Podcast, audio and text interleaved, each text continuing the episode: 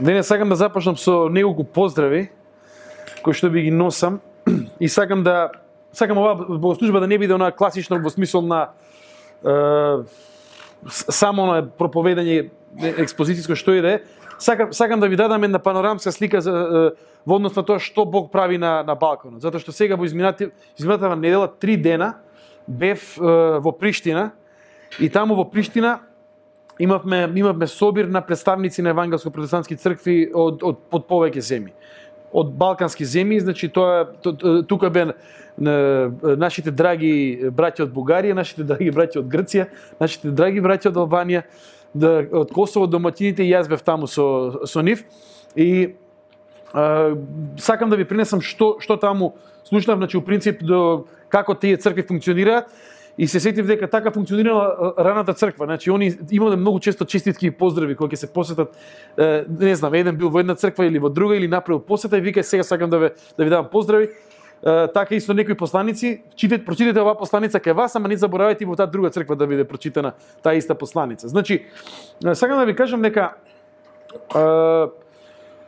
тоа што Бог го прави во, во повеќе земји е ја, јас би рекол различно и некако на различни во различен момент ние се наоѓаме како како цркви. Е, ќе започнам можеби нашите западни соседи од од Албанија. Е, се изненадуваат луѓе, мои пријатели тука во Македонија, добро и разбираме зашто зашто се изненадуваат, ама е, во Албанија тоа што таму беше кажано е дека дека веќе има отприлика 20 20.000 евангелски евангелски протестанти кои што се исклучително мисиски активни.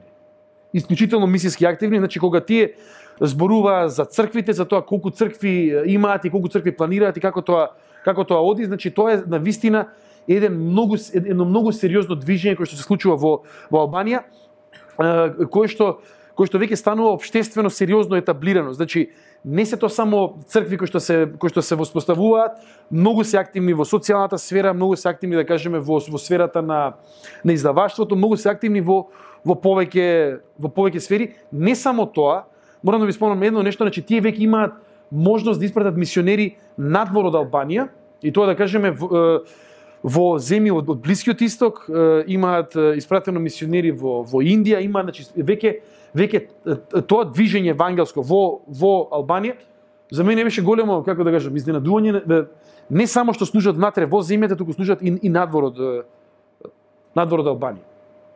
Обединети се во во една нивна асоциација и таа асоциација значи нивна праќа поздрав и реално они се заинтересираните како да бидат во партнерство со нас кога станува збор за досегнување на албанците во во Македонија. Значи многу сериозно се, се заинтересирани и сакаат на некој начин ние како домаќини овде во Македонија да да да, да најдеме начини или да дадеме предлози што и да се за да можеме за да можеме тоа да го видиме. Од, од таму ќе ви пренесам поздрави од нашите домаќини Косово. Косово исто ќе кажам искрено да, ми изненадија како функционираат. Споделија дека отприлика се не знам од од 600 до 1000 луѓе кои што се поврзани со тие цркви таму во во Косово исто така сериозно работат на, на евангелизација, на мисија, сериозно работат на она што значи евангелието да допре во секој сегмент во косовското општество. Јас во Приштина нема одено неколку години, можеби не знам, 3-4 години, гледам дека, дека Приштина о, како град вака оди напред и и црквите морам да кажам дека се во, во чекор со тоа што таму се случува. Тоа е тоа е за мене битен момент Инфраструктурно имаат решено многу работи, значи бев во една црква таму, нашиот доматин, можеби некој од вас го знаете, се не сум, не сум сигурен, Феми Чаколи, Феми Чаколи имаат веќе направено своја црква која што има кој што е бака сериозна како инфраструктура, не на многу во место во во Приштина имаат силна визија да ја да достигнат Приштина Приштина со евангелието. И они се исто така заинтересирани и не знам колку од вас знаете, колку можеби не знаете, ама од од Косово, од Приштина, од црква, да кажеме во однос на мигрантската криза, имаше тимови секоја секоја недела кои што доаѓа во Табановце и кои што редовно работеа, значи тоа беше помош од Косово за за за Македонија.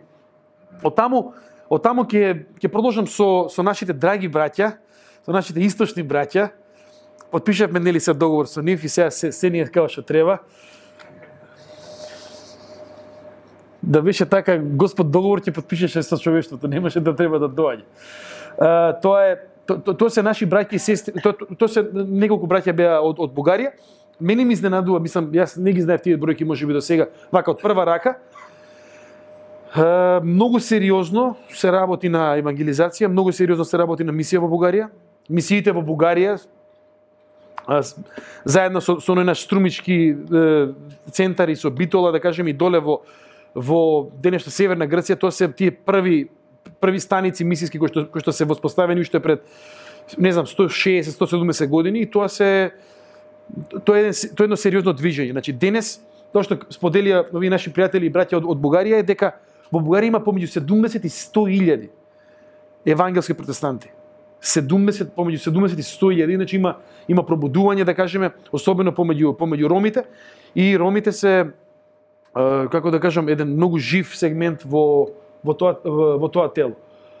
Оно што бугари, бугарските наши браќа не замолија да се молиме, таму имате една ситуација со еден нов закон кој што се носи сега во во Бугарија, кој што кој што кој што може кој што има потенцијал сериозно да да како да кажам да ги ограничи да го ограничи овој мисиски момент кој што го имаат бугарските евангелски христијани во во, во Бугарија. Значи станува збор за еден закон кој што е рестриктивен и кој што како да кажам се носи на некој повторно ако се Европска унија на балкански начин е, има текст, па тој текст преку ноќ ќе, ќе се смени, па после ќе им ветат нешто друго, па ќе почекаат две недели, па пак ќе се смени текстот, па ние не знаеме дека се смени некој друго смени, значи слушаме оние наши класични балкански приказки.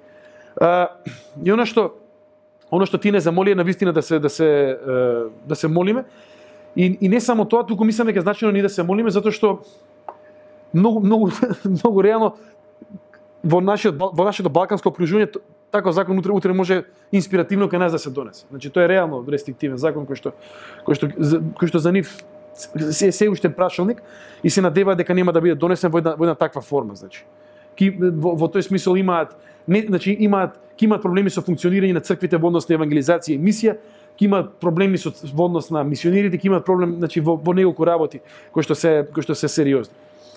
Така да, Бугарија пак ќе кажам, значи тоа се тоа се сериозни бројки, се думе се до до 100.000. Ми беше драго да слушнам дека се молат за нас, дека редовно се молат за нас. Не знам, понекогаш имам чувство дека луѓето од надвор поише се молат за нас, него ништо да се молиме за нас. Ама многу сериозни има има групи на луѓе кои што се молат за Македонија и се молат за за, за сите нас, мислам, не само како како цркви, туку се молат за за нашата земја, за нашата држава. Така да Бугарија е во една таква ситуација ама евангелието оди напред. Значи во сите овие земји евангелието од, од, оди напред и тоа е тоа што мене реално ме охрабри. Имавме представници од од, од Грција и еден од еден од Солун, еден од или се мора да или можеби треба да кажам Тесалоники се со овие нови да, да еден од ед, еден од Солун и еден и еден од од, од Атина и тие пренесоа видете. Грците се исто така едни од тие нели заради тие историски прилики, најрано имало таму мисија, да кажеме, и најрано, најрано имало мисиски станици. Презвитеријанската црква во, во Атина, ако не се лажеме, 1831 година воспоставена, значи баш и сум бил таму. Таму имам еден, со Аца заедно сме биле таму, ствари, кај, кај Јотис. Да, кај Панајотис, кај Јотис Кантарзис. И е, она што Бог го прави во Грција за мене е фасинантно, заради тоа што од една страна тие со години имаат еден како да кажам, не еден на друг начин имаат проблеми со со со властите, со со, со законите, со што иде, затоа што се така поставени како што се. Ама од друга страна ти имаат предизвик, ама во средија тој предизвик има Бог им отвара врата за, за евангелизација. Значи со со овие мигранти да кажем они они се уште да кажем имаат прилив на на мигранти, се уште мигранти доаѓаат во Атина, нај најповеќе се во Атина, после тоа се во оние околни градови, понатаму во во Солун, ама тоа што го слушнавме таму веќе има десетици и десетици мигрантски цркви. Значи цркви на цркви на на луѓе од Иран, цркви на луѓе од Ирак, цркви на луѓе од не знам, од Афганистан, од, од, од африкански цркви, не знам, тоа се цркви од Гана, набројува и тоа е тоа е за мене фантастична работа дека среде тоа постои едно едно будење помеѓу овие мигранти, постои нешто што како да кажам, постои нешто кое што а, за мене би било неочекувано до пред 10 години. Значи, кој би помислил дека луѓе би, би доаѓале низ овие простори био во, во Атина, дури еден човек од, од, од Иран, е, една сторија која што, која што за мене е фантастична сторија. Млад спортист, 25-6 години, е, бил во, во, во боречка репрезентација на Иран. И отишол на, на турнир во борење некаде, мислам дека беше на запад во Германија, ако не се лажам. И таму вика не, не ставија у сингл соби, кога отварам фиока, во, во фиоката Библија, Нов Завет. Еј, вика, ова е тој Нов Завет, вика, таа опасна книга од кој што се кој што нас вика не, не плаша толку време. И вика, читам нешто, е, разгледувам и случајно вика чи, чи, чи, и ја оставив кај мене, вика германски вика не разбирам што иде. Ја ја оставив кај мене на кревет. И цело време активности, борење, веројатно, нели, се бориш и спиеш, немаш немаш што друго да правиш. На крај вика го- кога се пакував, сум ја ставил човеков ја ставил го ставил новиот завет кај него погрешка у, у куфер. Доаѓа назад, го, го претресуваат на граница, му викаат ти си значи изгледа вика христијанин, вика од кај ти е новиот завет? Вика ја не сум христијанин. Ова вика во хотел, вика во Германија случајно сум местел. Не. Вика во притвор ми одредија вика мерка притвор 7 дена, мерка притвор 7 дена и буквално седам вика во во во притвор и им објаснувам дека ја не сум христијанин, дека дури таа книга што сум ја прочитал, не сум, оно што сум ја земал, не сум можел да прочитам. Они дојдоа вика таа полиција наша и таа верска полиција и признае со кој си, колку сте тука, души како сте, што сте. Вика не можам да ви објаснам. Ама вика јас вика во затвор почнав вика да се прашувам, вика бе, зошто е вика таа книга толку опасна ствар? Зошто вика мене заради оваа книга 7 дена ме, ме држат овде вика и си реков вика една работа. Јас морам да ја прочитам оваа книга. Штом толку ја бранат, значи мора да има нешто вика. Излегов од притвор. Кога излегов од притвор, они ми кажа ти дали планираш пак да читаш? И вика ја им кажа планирам да читам. Ама вика штета што ја немам вика тука во Иран, ама планирам да читам. Така така. Го протеруваат од Иран. Вика со еден куфер одам и тој пат низ Турција доаѓа во Грција. И вика почнав да се молам, вика Боже, те молам помогни ми да да да, да го најдам да да најдам нов завет, односно таа книга, света книга вика христијанска да најдам вика зашто сакам да сакам да ја читам.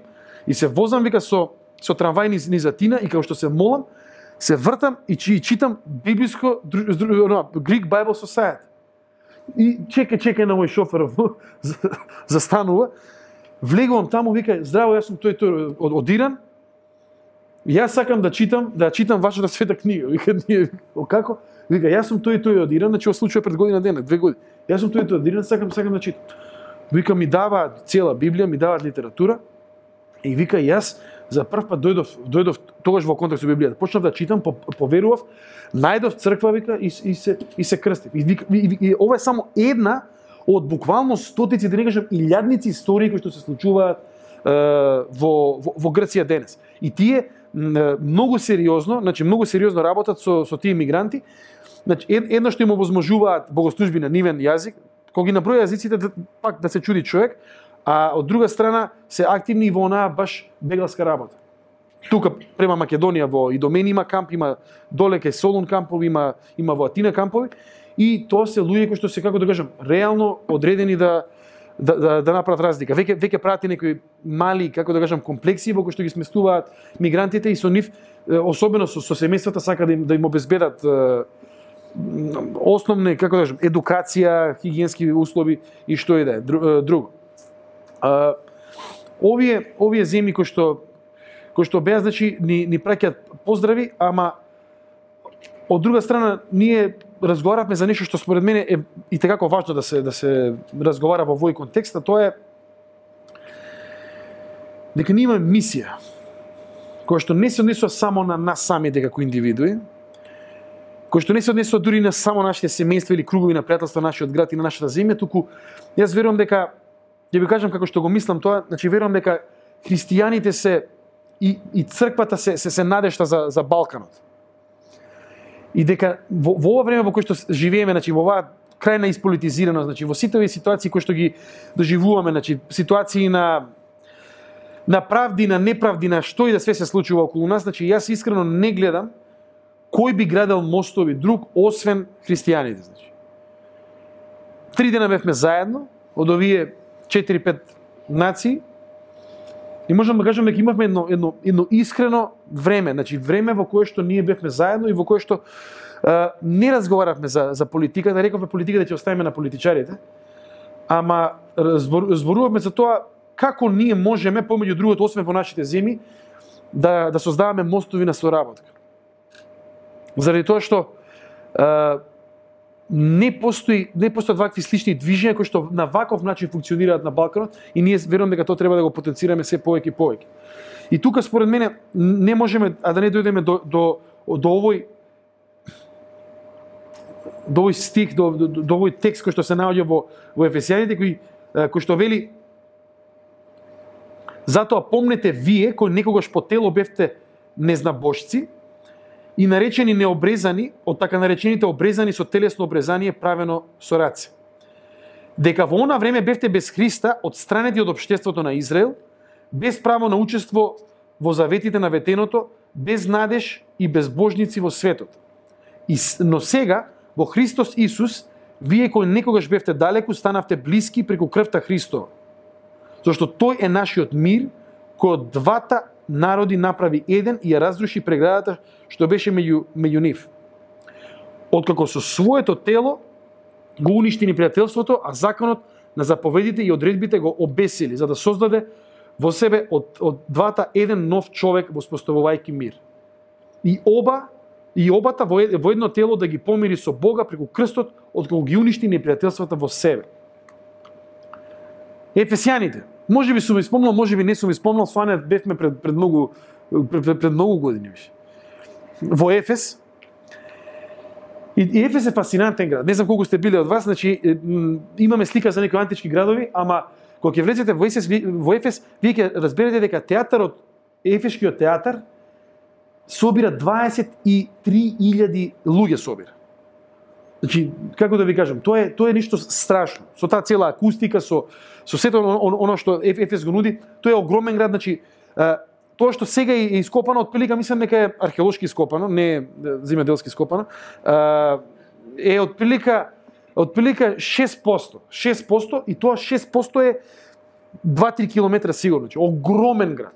Се смета дека тој четвртиот најголем град во Римската империја во, во тоа време, имало отприлика 200 до 250 илјади жители, центар каде што, да кажеме, центар на трговија, центар на, на, на еден куп работи, политички центар на, на, на Мала Азија. И во тој град има нешто кое што всушност го адресира Павле. И, и, постоеле сегменти, постоеле тие инсули, така наречени, да ги наречеме по-скопски мала, и се знаело во кое мало кој живе. Како што било да кажеме и во, и во Скопје до пред некој време. Ти имаш ерменско мало, имаш евреско мало, имаш не знам, бошњачко мало, имаш сите тие помали сегменти тоа се голе горе доле моноетнички енклави. И кога овие луѓе стануваат христијани од повеќе мала и доаѓаат заедно и споделуваат Господова вечера, се случува нешто ново. Значи се случува нешто кое што Павле сака да го адресира, значи не само како социолошки феномен како е, леле колку ние колку колку ни нас добро, колку се дружиме заедно, туку сака Павле да им укаже на тоа дека основата на, на заедништвото е всушност Исус Христос. И дека во Исус Христос тие дзидини, тие а, а, како да кажам, одделувања по етничка основа се се срушени. И според мене, значи, размислувајќи на тоа што го искусив оваа недела во, во Приштина, ние мораме да размислиме реално и земајќи го Христос како основа за тоа што ние во нашата балканска култура и во нашата македонска култура треба да афирмираме и да кажеме ова е навистина добро и ова е навистина во како да кажам во согласно со евангелието и што треба да, да, да не афирмираме и да и да и да тренеме на страна. И тоа е голема работа. Тоа е голема работа не само за, за Балканот, каде што реално имаме многу многу конфликти, вековни конфликти. Тоа е проблем да кажеме кога се среќаме со мои пријатели од, од Африка. Кога ќе запознаете човек од од Руанда, ќе сватите дека на секаде постојат зидови. И кога ќе отидете да кажеме со некој од, од, од Азија исто така, прашајте понекогаш кореанците колку ги сакаат јапонците. Прашајте ги, слободно. Или, или кинезите, да кажем. Али особено кореанците и, и јапонците. Јас тоа не го знаев, додека не почнав да живеам со кореанци и со јапонци. И кога спомнав, е, Јапонија, гледаш, гледаш дека не се они сите азици во некоја широка смисла. Гледаш дека они имаат многу, многу голема тешка историја. Тешка историја. Заради тоа што ја заради работи кои што се случувале помеѓу кореанците и, и јапонците. И морам да кажам дека дека е слично и со слично и во и во денешна Америка да кажеме, на, нарасна една основа. Еве секој ден гледаме сериозни ситуации во однос на тоа како афроамериканците и белите американци се во, во одредени конфликти. Значи тоа тоа не е разрешено. Тоа не е разрешено. Не знам, Централна Америка Јужна Америка и таму имаат свој кој со кого се сака, кој со кого не се сака. И сметам дека едно од најдобрите сведоштва кои што ние може да го дадеме како христијани е всушност не на сила туку заради Христовата љубов и тоа што Христос го направи за нас, да го да го покажеме како како, како реален живот дека ние овде на Балканот денес, може би не совршено, може би со, како да кажам, со многу прашалници, со, со емоции кои што се реални, кои што знаеме од каде произлегуваат, ама од друга страна дека, дека ние градиме едно тело Христово со нашите особености. Со, со, со, со, со сите оние особености кои што нашето кои што, кои што евангелието ги ги афирмира. И тука тука ќе кажам дека нешто што ние реално не го правиме, тоа е да дека тоа е дури и како цркви, ние не зимаме посериозно време во, во молитва да се, да, да, да се молиме за, да кажеме, за, за нашите балкански соседи. Значи, тоа ре, искрено реал, ретко се случува. Тоа е многу често, да кажеме, некои молитвени самити или што и да се, ама ние немаме редовно време во кое што ние ќе кажеме сакаме да се молиме за сите тие околу нас, сакаме да се молиме за Македонија, ама сакаме да се молиме за тие е, околу нас. Затоа што верувам дека, дека, дека дека имаме моментум како евангелски христијани овде на на, на Балканот, да исчекориме и да покажеме поинаков начин на, на живот, поинаков начин на зеништво кој што ќе биде за Божја слава. И овие зидови, како што кажа Мартин Лутер Кинг, јуниор, опасни се кога се кога се како архитектура некаде во некои градови, а уште поопасни се кога се во нашите срца. Кога ние имаме зидови, кога ние имаме зидови во однос на класи, значи кога некој го сметаме за пониска класа од нас или во однос на образование, па си викаме ово е помалку образован од мене, во однос на што и да е друго, исто така и во однос на на ова етничка етничка поставеност. И Балканот тука не, не можам да кажам дека дека Балканот се наоѓа во моментот во нека политички во нека не знам супер ситуација, ама Јас искрено не, не гледам веќе што друго може да го трансформира суштински Балканот, освен, освен Евангелието. Кога слушав од сите овие земји за нивната економска ситуација, исто како да слушам наши вести. Искрено кажуваат луѓето. Тешко, тешко, значи младите си заминуваат. Една ситуација која што е застрашувачка затоа што не, во моментот барем не се гледаат крајот на, на тие е, тенденции. И среде тоа, јас верувам дека оно што може да направи разлика е само срца кои што немаат зидини едни кон други, срца кои што можат да имаат простор за оној другиот различниот во однос на нас. И Бог, Бог нека, нека ни даде сила, ако имаме пријателства, да кажеме, со овие наши соседни народи, Бог нека ни даде мудрост и сила како тие да ги, да ги максимизираме во однос на да ги максимизираме за, за Евангелието. Да ги продлабочиме како пријателства и да, и да бидеме, може би, мали градители на мостови, кои што ќе сведочат за еден друг свет во ова наше време. Свет кој што ќе дојде сигурно еден ден и свет во кој што сите ние ќе бидеме заедно, секој според својот народ и секој според својот јазик, вклучени во тоа големо Божјо семејство. Амин.